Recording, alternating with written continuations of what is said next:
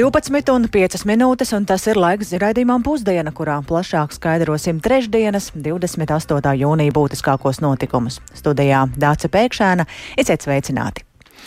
Un vispirms par to, ka pēc Baltkrievijas autoritārā līdera Aleksandra Lukašenko paziņojumu, ka grupējuma Wagner līderis Jevgeņijs Prigožins ir ieradies Baltkrievijā un šajā valstī algotņu grupējums varētu izveidot sev jaunu bāzi, Latvija un Lietuva aicinājušas NATO pastiprināt drošību uz austrumu robežas. Bažas par potenciālo Wagneriešu klātbūtni Baltkrievijā ir paudusi arī Polija. Un, lai stāstītu plašāk par šo tematu, studijā šobrīd pievienojas kolēģis Rihards Plūmes. Sveiks, Rihard, un kas tad ir zināms? Zināms par to, vai Vagnerieši patiešām ir ieradušies Baltkrievijā? Jā, labdien! Nu, pašlaik nav parādījusies informācija, ka Vagnerieši būtu devušies uz Baltkrieviju, kā ir norādījis uh, Baltkrievijas autoritārais līderis Aleksandrs Lukašenko. Tad pašlaik šie algotņi joprojām atrodas nometnēs Ukrainas Luhanskas apgabalā, un līdz galam vēl nav skaidrs, vai, kad un cik Vagnerieši varētu ierasties Baltkrievijā un kur tieši tie varētu apmesties. Kā vēsta medijas Euro radio, tad Vagneriešiem esot paredzēta vieta Asipoviču pilsētā, kas atrodas dienvidu austrumos no Mīnskas. Šajā pilsētā dzīvo ap 30 tūkstoši cilvēku. Lukašenko ir norādījis, ka Vagnerieši var uzturēties Baltkrievijā paši par saviem līdzekļiem, kas nozīmē to, ka nav skaidrs tieši par kādiem līdzekļiem tad Vagnerieši dzīvot Baltkrievijā, ja viņi tur ierastos. Finansējums iepriekš netieši daudzus gadus tika saņemts no Krievijas valdības, kas gan tagad beigsies, un ienākums algotņi gūst arī no operācijām un dabas resursu eksploatācijas vairākās Āfrikas valstīs. Tātad kaut kādi avoti varētu palikt, bet kādi tieši un cik tie varētu ienest, grūti pateikt. Līdz ar to jautājums, vai Vagnerieši nedosies sirojumos, ja tā var teikt, citviet. Bažas par Vagneriešu klātbūtni ir paudušas valstis, kas robežojas ar Baltkrieviju. Polijas prezidents Andrzejs Duda paudz cerību, ka draudi tiks apspriesti arī NATO samitā Viļņā. Wszyscy widzimy, co się dzieje. Relokacja sił rosyjskich de facto w postaci. Mēs redzam, kas notiek. Krievijas spēku pārvietošana Wagner grupas formā uz Baltkrieviju un Wagnera grupas vadītāja došanās uz turieni. Tie visi mums ir ļoti negatīvi signāli, kurus mēs vēlamies spēcīgi aktualizēt kopā ar saviem sabiedrotajiem. Bažīgi ir arī Latvija un Lietuva, kas runā par to, ka nepieciešams stiprināt robežu. Lietuvas prezidenta Nacionālās drošības padomnieks Ķēstutis Budris izteicies, ka Prigožina spēki ir īpaši bīstami, jo viņi spēja darboties pelēkajā zonā ar sabotāžas un iefiltrēšanās operācijām, ko, kā tiek ziņots, Vagnerieši ir darījuši Āfrikā, Sīrijā un ASV. Viņaprāt, robežas sargāšanai tagad būs jāpievērš vēl vairāk uzmanības, un uz draudiem norāda arī pats prezidents Gitāns Nausēda.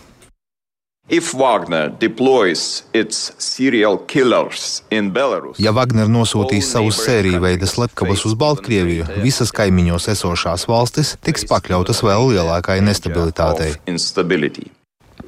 Jā, nu savukārt Lietuvas iekšlietu ministra Agne Bilotāja atzīst, ka Lietuvas robežas drošības šogad, šobrīd esot augstākajā līmenī. Nestebime kažkokių tai na, naujų tendencijų, naujų grėsmių. Mēs neredzam nekādas jaunas tendences vai draudus, un es vēlos jums apliecināt, ka mūsu situācija tiek kontrolēta. Visas mūsu iestādes un aģentūras strādā 24 stundas, 7 dienas nedēļā. Mūsu robežu drošība ir augstākajā līmenī kopš migrantu krīzes sākuma. Latvijas un Lietuvas ārlietu ministri ir aicinājuši NATO pastiprināt drošību uz austrumu robežas, un NATO ģenerālsekretārs Jens Stoltenbergs ir uzsvērs, ka NATO ir gatava aizstāvēties pret jebkādiem Maskavas vai Minskas draudiem, un turpinājumā viņa teiktais. Runājot par dumpja sekām vai notikumiem, ko mēs redzējām Krievijā pēdējās nedēļas un pēdējo dienu laikā, Manuprāt, ir pāragri izdarīt galīgos secinājumus par ilgtermiņa sekām, tostarp attiecībā uz NATO. Taču mēs varam teikt, ka mēs, protams, cieši uzraugām notikuma attīstību. Un mēs jau esam palielinājuši savu gatavību un savu militāro klātbūtni alianses austrumu daļā. Jā, nu noslēgumā vēl piebildīšu, ka izskan versijas arī par draudiem Ukrainai, proti, ka Prigožins iespējams no Baltkrievijas teritorijas kopā ar saviem noziedzniekiem varētu censties doties uz Kievu. E, taču te jāmin, ka Ukraina ir nopietni stiprinājusi savu ziemeļu robežu, un Vagneriešiem šāda kara gājiena īstenošanai būtu nepieciešams liels daudzums smagās militārās tehnikas. Paldies Rihardam Plumēm par šiem viedokļiem, un vēl pie šī ir jāpiebilst, ka šonakt Briselē ir panākta politiska vienošanās par likumu, kas paredz kopīgus aizsardzības iepirkumus, un tas veicinās to, ka militāri iepirkumi būs ātrāki un izdevīgāki, kā arī stiprinās Eiropas spēju ražot bruņojumu savai aizsardzībai un Ukrainas uzvarai. Šim jautājumam mēs plašāk pievērsīsimies šodien nedaudz vēlāk raidījumā pēcpusdienam. Un, lai arī varētu domāt, ka mūsu robeža tiek vairāk uzraudzīta un kontrabandas precēm iespēja nokļūt pie mums mazinās, aptaujas par to neliecina. Sabiedrībā tolerances līmenis pret kontrabandas preču pirkšanu gan mazinās, bet populārākā kontrabandas prece aizvien ir cigaretes. Tā liecina pētījumi, un šos un citus datus tad šobrīd arī apspriež un analizē kontrabandas problemātikai veltītā fórumā. Kas interesanti, ka tomēr to iedzīvotāju skaits, kas ir atzinuši, ka viņi paši vai viņu draugi paziņas ir pirkuši, pirkuši kontrabandas preces salīdzinot ar iepriekšējo gadu, tomēr ir nedaudz palielinājies. Tā liecina SKDS mājā veiktais pētījums pretēji tam, ka aizvadītajos gados šiem skaitļiem bija tendence pamazām sarukt. Tā šorīt kolēģiem Martai Skujai un Laurim Zvejniekam redījumā labrīt sacīja SKDS direktors Ārnis Kaktiņš, atzīstot, ka joprojām galvenā motivācija pirkt kontrabandas preces ir to cena, proti tas, ka kontrabandas preces ir lētākas. Un, ja, piemēram, pirms gada tie bija tikai 7%, vairs, kas teica, ka viņi paši personīgi ir pirkuši cigaretes vai citus tabaks un vai nikotīna izstrādājumus, tad šogad tie ir 12%, kas ir līdzīgi jau tur kaut kādam 20. gada rādītājam. Alkohols bija pirms tam 2,2, tagad arī 3% un tā tālāk. Kas noticis? Nu, es domāju, ka inflācija un visas šīs lietas. Jo tāpēc, tas, ko mēs kā, zinām no citiem jautājumiem, kāpēc tad vispār pērk to kontrabandu, kas ir iemesls, tad kā visu laiku pirmais galvenais centrālais iemesls, nu, tāpēc, ka tas ir lētāk. Tāpēc, ka es to varu atļauties īsti. Tur man lielāka rocība priekš tā ir, nevis priekš parastajām nekontrabandas precēm, kas ir veikalos. Nu, un tad mēs zinām inflāciju. Tur deputāti, valsts augstākās amatpersonas jau tur dās un tā kompensēja tos inflācijas labumus. Ja? Bet nu, ļoti liela iedzīvotāja daļa tomēr nu, lielā mērā palikt peļķē. Un tad es lielā mērā esmu pārliecināts, ka tas arī šeit ir faktors, kas ir mainījis šo lietu. Bet gribu uzsvērt, ka nav tā, ka fundamentāli viss ir sagāzies un mainījies. Tie procenti ir auguši, nu, salīdzinoši nedaudz, bet tomēr auguši. Bet eh, kādām precēm tad uh, pievērš uzmanību, iegādājoties tieši izvēloties kontrabandas preces? Nu, šajā pētījumā mēs apskatām tikai cigareti, tabaku, alkoholu un degvielu. Un es domāju, ka nu, diezgan vai Latvijā mums ir kaut kādas citas kategorijas, ka tā būtu liela problēma. Jā, nu. Nu, tā stereotipiski skatāmies, ka tās ir lietas, kas varētu ienākt pāri austrumu robežai. Ģeopolitiskā situācija ir mainījusies, vai tas arī kā neietekmē iespēju saņemt kontrabandas preces. Šis, teiktu, arī man likās pārsteidzošs jautājums, jo nu, mēs zinām, ka lielā mērā dēļ sankcijām austrumu robeža tomēr ir slēgta. Ne tā, ka pilnībā, jā, bet tomēr lielā mērā. Bet, nu, aptauja rāda, ka jā, nu, tie iedzīvotāju skaiti, apjomi, kas saka, ka viņi pērk, ir pieauguši. Nu, mēs cits starpā arī tas gan vairāk bija attieksmes jautājums prasījām, ja, kad kā iedzīvotājiem šķiet, kā tas kontrabandas apjoms ir ietekmējis karš Ukrainā. Bija kaut kāda, nu, tā gan bija mazākā daļa, ja, kas teica, ka tas varētu būt kaut kā ietekmējis. Daudz bija tādi, kas teica, ka nezina. Katrs trešais teica, ka nemainījās. Bet, nu, arī skatās balansus, iedzīvotājiem šķiet, ka varbūt tas biežāk ir palielinājis, nevis mazinājis kontrabandas apjoms.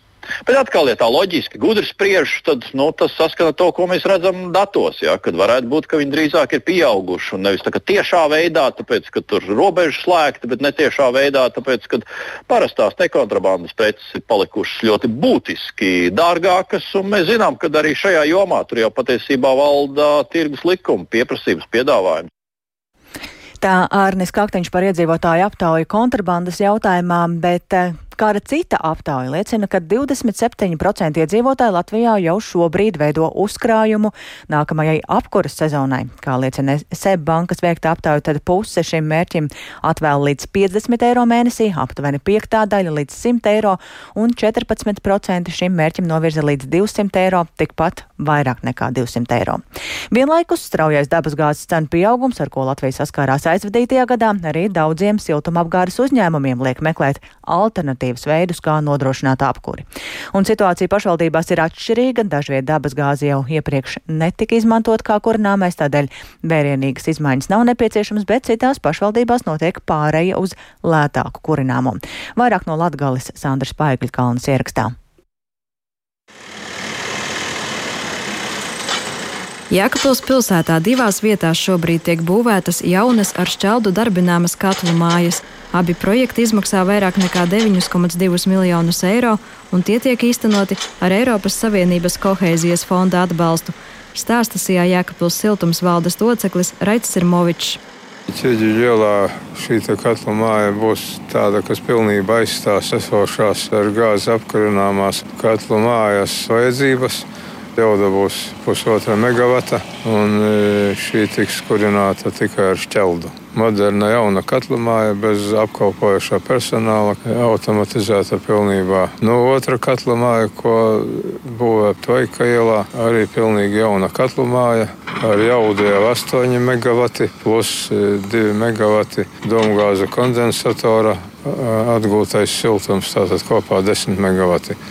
Arī šķeldas katlamā ir pilnībā automatizēta. Lielu daļu no gāzes vajadzībām nosaka šī šķelda. Līdz ar to arī izmaksas būs zemākas potenciāli iedzīvotājiem. Dabasgāzes cenu pieauguma dēļ pagājušo gadu Jēkabplieši piedzīvoja strauju siltumenerģijas cenas palielinājumu no 65 eiro par megavatstundu janvārī līdz pat 170 eiro par megavatstundu novembrī un decembrī.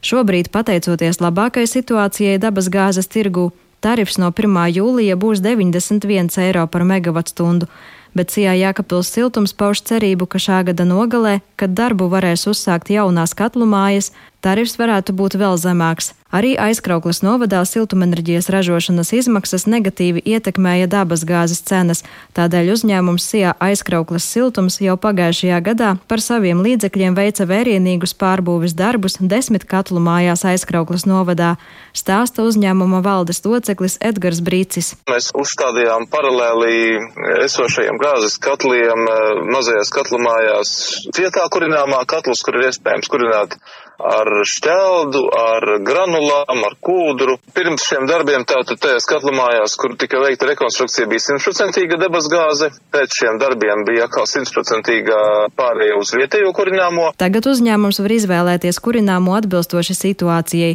Tāpat aizkrauklis siltums ir noslēdzis vienošanos par biržas cenu dabasgāzei, jo fiksētā cena ir lielāka nekā biržas cena. Šīs darbības jau tagad devušas labu rezultātu, skaidro Edgars Brīcis. Ja mums lielākais tarifs bija pagājušā gada novembris, decembris, gandrīz 160 eiro, tad uh, mēs skatāmies tā, ka mēs uz 1. septembri, ja gāzes cenas biržā saglabāsies, nu, apmēram esošajā līmenī, kā šobrīd mēs varētu piedāvāt iedzīvotājiem jau zem 70 eiro par megawatu stundu. Cita situācija ir Līvānos, kur jau ilgus gadus siltumenerģijas ražošanā tiek izmantota tikai šķelda. Tādēļ arī šobrīd Sijā Līvānu siltums neveic vērienīgas izmaiņas katlu mājā stāsta Līvānu novada domas priekšsēdētāja vietniece Ginta Kraukle no Latvijas attīstībai. Šī iespēja, ka varam eh, kurināt ar šķeldu, ar vietējo kurināmo, mūs tiešām savā ziņā glāba pagājušajā apkurses sezonā, jo tas cenu kāpums nebija tik milzīgs. Mūsu tarifs tātad noteiktais 76,32 eiro par megawatu stundu. Šobrīd pateikt, kāds būs e, konkrēti viņš turpmāk, mēs neprognozējam vēl, jo arī vasaras sezonā notiek šķeldas iepirkuma procedūra. Lai gan Līvānos ir viens no lētākajiem siltuma tarifiem valstī, gada laikā līvāniešu kopējais parāds par siltumenerģiju ir palielinājies par aptuveni 8% un sasniedz 500 tūkstošus eiro. Toties aizkrauklē, ņemot vērā veiktos uzlabojumus, parāds ir samazinājies par 25% un ir aptuveni 100 tūkstoši eiro. Jākapaliešu parāds par siltumenerģiju, salīdzinot ar iepriekšējo gadu, ir samazinājies par 2,4% un ir gandrīz pusotras miljonus eiro. Sandra Pēgiļkalne, speciāli Latvijas radio Latgales studijai. Bet daudzās tikko Sandras Paigļa kalnas pieminētajās vietās noteikti ir arī dziesmu un deju svētku dalībnieki, kas jau pamazām pošas uz Rīgu. Un tas nozīmē, ka jau šīs nedēļas beigās dziesmu un deju svētku norises vietās Rīgā sāks pulcēties ievērojami vairāk cilvēku nekā ierasts, un tādēļ gan satiksmes plūsmas, gan arī vidēji saudzīgāku svētku nolūkos pašvaldība, vīdes organizācijas un arī svētku organizatori aicina pēc iespējas vairāk kā pārvietošanās līdzekli izmantot arī velosipēdu. Bet, nu, nav noslēpums, ka arī šo transporta līdzekli iekāro zagļi. Un studijā tāpēc ir šobrīd ieradusies kolēģis Santa Ādamsone, kura vairāk tad arī pastāstīs, kas mums būtu jāzina par velospēdu drošību svētkos. Sveiks, Santa! Jā, sveiki! Patiešām daudzus velospēdu īpašniekus, un jāsaka, ka arī skrējriteņu vadītājs varētu satraukt jautājums, kas tad notiks ar manu riteni, kamēr apmeklēšu koncertu vai kādu citu norisi, vai to nenozaks. Par to padomājuši ir arī svētku organizatori un informē, ka uh, kopā septiņās vietās Rīgā būs īpašas velo un skrējriteņu bezmaksas novietnes. Par to man šorīt pastāstīja dziesmu deju svētku nodaļas mārketinga vadītāja Anna Blauva. Tās uh, būs speciāli ierīkotas teritorijas pasākumu norišu vietās, un jā, velospēdiem būs šīs te metāla tāds kā sastatnis, pie kura varēs pieslēgt uh, velospēdu. Tas uh, nav nekāda atsevišķa vai stabi vai, vai, vai nekādas lielas ierīces, bet, jā, kā jūs minējat, tāds uh, mazs metāla pamatiņš pie kā piestiprināt. Novietnes ir uzraudzītas, pieskatītas un darbojās uz numuriņu sistēmu. Jā, tā stāstīja dziesmu deju svētku nodaļas mārketinga vadītāja Anna Blauva. Nu, tas tātad par īpašajām novietnēm, bet nu skaidrs, ka tas ir aktuāli ne tikai svētkos un droši vien arī savus velosipēdus novietos nepieskatītās velo noviet, novietnēs, droši vien arī tā. Jā, tieši tā. Vasaras sezonā velosipēdu zādzības ir sevišķi aktuāls. Man arī ir zināms par gadījumu, kad pirms pāris dienām kāds pāris atbrauc no uh, brīvdienām ārzemēs uz Rīgu un atskārta, ka nozakti divi pagalmā piesiet riteņi. Uh, Latvijas riteņbraucēju apvienības valdes priekšsēdētājs Viesturs uh, Silanieks, neataisnojot zakšanu, novērojis, ka bieži tomēr pats īpašnieks nav izdarījis visu, lai pasargātu velospēdu no zagļa. Paklausīsimies viņa ieteikumos. Tā pamat problēma ir tā, ka Latvijā aptuveni 30% no nozagtajiem velosipēdiem nav bijuši pieslēgti. Tātad īpašnieks ir vienkārši atstājis, nu, ieskriešies uz īsu brīdi. Vēl liela daļa velosipēdu, kas ir pieslēgti, ir pieslēgti ar ārkārtīgi zemas kvalitātes nedrošām slēdzenēm. Un tādas slēdzenes ļoti daudz tirgo saimniecības preču veikalos, pat ir velostendu sadaļa, Viesturs Silnieks vēl pieminēja, ka, ja velospēds ir nozagts, ir jāziņo policijai, un tas ir stereotips, ka atrast zaudēto mantu ir bezcerīgi. Vaicājot par drošību un gaidāmajiem svētkiem valsts policijā, man norādīja, ka tā strādās pastiprinātā režīmā, taču speciāls dežūras pie velo novietnēm nebūs. Tādēļ aicina katru pašu padomāt par drošību. Vairāk par šo tēmu pastāstīšu pēcpusdienā. Dace? Paldies, Santa. Tātad par drošību arī jādomā katram pašam. Tas Dzirdējām tikko Sants stāstīto par velosipēdu drošības svētku un ne tikai svētku laikā, bet eh, rūpēties par veselību dziesmu un deju svētkos arī ir tikpat svarīgi kā koncerta laikā nesajaukt dziesmas vārdus vai deju soļus. Ja veselības nebūs, tad arī svētku prieki izpaliks. Un tāpēc slimību profilakses un kontrolas centrs kopā ar speciālistiem aicina svētkus pavadīt droši un par to, kas tad ir jāņem vērā un kā labāk sagatavoties svētku laikam, lai tie aizvērtētu bez uztraukumiem par savu veselību. Tad plašāk Plašāk to ir gatava stāstīt kolēģi Agnija Lazdiņa, kura šobrīd ir pieslēgusies studijai. Sveika, Agnija, un eh, saka, kādi tad ir speciālistu galvenie ieteikumi? Labdien! Protams, kā pats pats galvenais ieteikums no speciālistu puses ir vienkārši likt savu veselību pirmajā vietā. Ir jābūt atbildīgam pašam par sevi, jāatceras par dažādiem piesardzības pasākumiem, tostarp arī jāatceras par savām hroniskajām kaitēm, medikamentiem vai arī krīzes medikamentiem. Un tātad pirmkārt, ko speciālisti atgādina, ir padomāt par savām svētku somām, proti pārdomāt, kā ikdienā operatīvi pārnēsāt dažādas sīkās mantas līdzi un ko ir būt būtiski vispār ņemt līdzi uz šiem mēģinājumiem. Otrakārt, neaizmirst par galvas segu un saules aizsargkrēmu, kuram ir pēc iespējas lielāka aizsardzība pret sauli. Treškārt, ērti apavi, jo būs ilgi mēģinājumi, jāsteigā gari gabali, kas var radīt dažādas sīkās traumas kājām, kā piemēram tūznas. Ceturtkārt, ir jāņem līdzi, protams, dzeramais ūdens, ko ir svarīgi dzert ne tikai tad, kad gribas padzerties, bet arī ik pa laikam mazus ūdens malkus tieši šī siltā laika dēļ.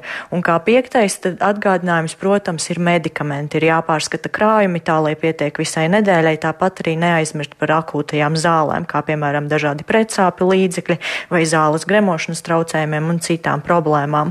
Un tāpat arī par laikapstākļiem. Jā, ir karsts laiks ārā, bet speciālisti atgādina, ka nedrīkst aizmirst, ka vakaros kļūst vēsāks, tāpēc arī jāpadomā par kādu siltāku apģērbu gabalu, pat ja diena šķiet ļoti silta. Un, lai gan dziesmu un deju svētki ir ļoti pacelājošs notikums, kurā ikdienu ir dažādas pozitīvas situācijas, tomēr svētki ir arī ļoti saspringti. Tur ir daudz cilvēku, ir ilgi un gari mēģinājumi, kas var radīt arī stresu vai citu trauksmes stāvokli. Un tas var piemeklēt arī cilvēkus, kas nekad ar ko tādu iepriekš nav sastapušies, piemēram, ar to, ka trūks telpas, ir pātrināti sitas sirds vai arī ir sirds klauves vai arī kādas citas pazīmes, un ko tādos brīžos darīt, kā sevi mēģināt nomierināt, to skaidro profesors psihiatrs Māris Taub. Traube. Mums ir tomēr kāds blakām cilvēks, kurš varbūt palīdz. Mēs nojām malā, apsēžamies, jau tas nedaudz palīdzēs. Ja? Otra lieta ir, protams, tas ūdens. Šai gadījumā es teiktu tā, ka tā ūdens dzeršana nav tāda masīva, bet šai gadījumā to ūdeni dzerot, mums ir jāmēģina atslēgties no šīs situācijas. Mēs, teiksim, paņemam šo ūdeni mutē, mēģinām viņu izgaršot, sajust, varbūt šo pudeli papētīt. Tas būtiski prasīs kaut kādas, teiksim, dažas sekundes, kad mēs šīs domas no tā, ka man ir slikti un varbūt man kaut kas ir ar sirdi nomierinos, un man šī trauksmes lēkmīte tāda viegla var pāriet. Vēl ir tāda lietiņa, ka jūs šajā brīdī varat uh, elpošanu nedaudz stabilizēt. Jā, un tāpat piebildīšu, ka speciālisti, ņemot vērā dažādas vietas, kur noritēs šie visi svētku mēģinājumi, atgādina arī par ērcēm, proti pārbaudīt sevi gan pēc katra mēģinājuma, un ja tomēr šī ērce ir piesūkusies, tad ir jādodas uz medicīnas punktu, kuru attiecīgie profesionāļi pareizi to ērci noņems, un pašiem dalībniekiem šo neiesaka darīt. Un galvenokārt gan visi speciālisti uzsver, ka ir jāpasargā sevi, jābūt prātīgiem, un tad arī svētki izdosies. Dace? Jā, un jebkurā gadījumā es saprotu, ka arī medicīnas punkti tur būs visur, visās kartēs iezīmēti, un būs zināms, kur vērsties pēc palīdzības, ja nu gadījumā tāda palīdzība būs vajadzīga, ne? Jā, tā, tā ir plānots. Paldies Agnijai Lazdiņai. Tas lūk par lietām, par ko ir vērts padomāt un atcerēties svētkos, kas teju teju jau ir klāt pēc dažām dienām. Un jāpiebilst, ka arī līdz 10. jūlijam dziesmu un deju svētku norises laikā līdz tekus citiem sabiedriskās kārtības un drošības pasākumiem pastiprināta kontrola tiks vēsta arī dronu lidināšanai, kas pasākuma laikā ir aizliegta. Par to atgādina valsts policija, un tas arī nozīmē to, ka No šodienas gaisa telpa bezpilota gaisa kuģiem ir slēgta Meža parka estrādes apkārtnē, Rīgas centrā un arī Daugaus stadiona apkārtnē. Un tas viss ir saistīts ar pasākumu dalībnieku un viesu drošību. Policija to uzraudzīs, tā skaitā arī pielietojot dažādas speciālas iekārtas nesankcionētu gaisa kuģu lidojumu konstatēšanai un novēršanai, un arī pārkāpējiem līdz ar to ir jārēķinās ne tikai ar dažādiem iespējamiem administratīvajiem sodiem, bet arī ar to, ka lidaparātus šādos gadījumos konfiscēs. Un ar to arī skan raidījums pusdiena. Tā producenta Ilza Agīnta ierakstus montēja Kaspars Groskops par labskaņu ropējās Rīta Karnača un ar jums sarunājās Dāca Pēkšēna. Vēl īsi par būtiskāko Lietuva, Latvija un Polija ir bažīgas par iespējamo Vagneriešu klātbūtni Baltkrievijā. Sabiedrībā tolerances līmenis pret kontrabandas preču pirkšanu gan mazinās, tomēr to cilvēku skaits, kur atzīst, ka pērk kontrabandas preces, ir palielinājies. Siltumapgādes uzņēmumu pāriet uz lētāku kurināmo, un speciālisti aicina domāt gan par savu drošību, gan arī pārvietošanās līdzekļu drošību dziesmu un deju svētkos. Atgādināšu to, ka raidījuma pusdiena var klausīties arī sev vērtā laikā Latvijas radio mobilajā lietotnē, meklējot dienas ziņas, un tāpat arī Latvijas radio ziņām var sekot līdzi sabiedrisko mediju ziņu portālā LSMLV un sociālajos tīklos. Eterā mēs tiekamies atkal rīt. Yeah.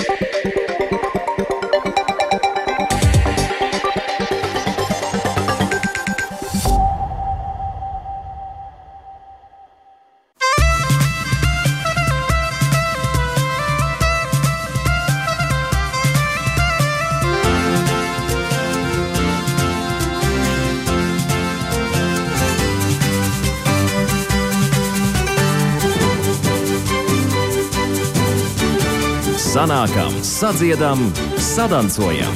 Latvijas Radio 1.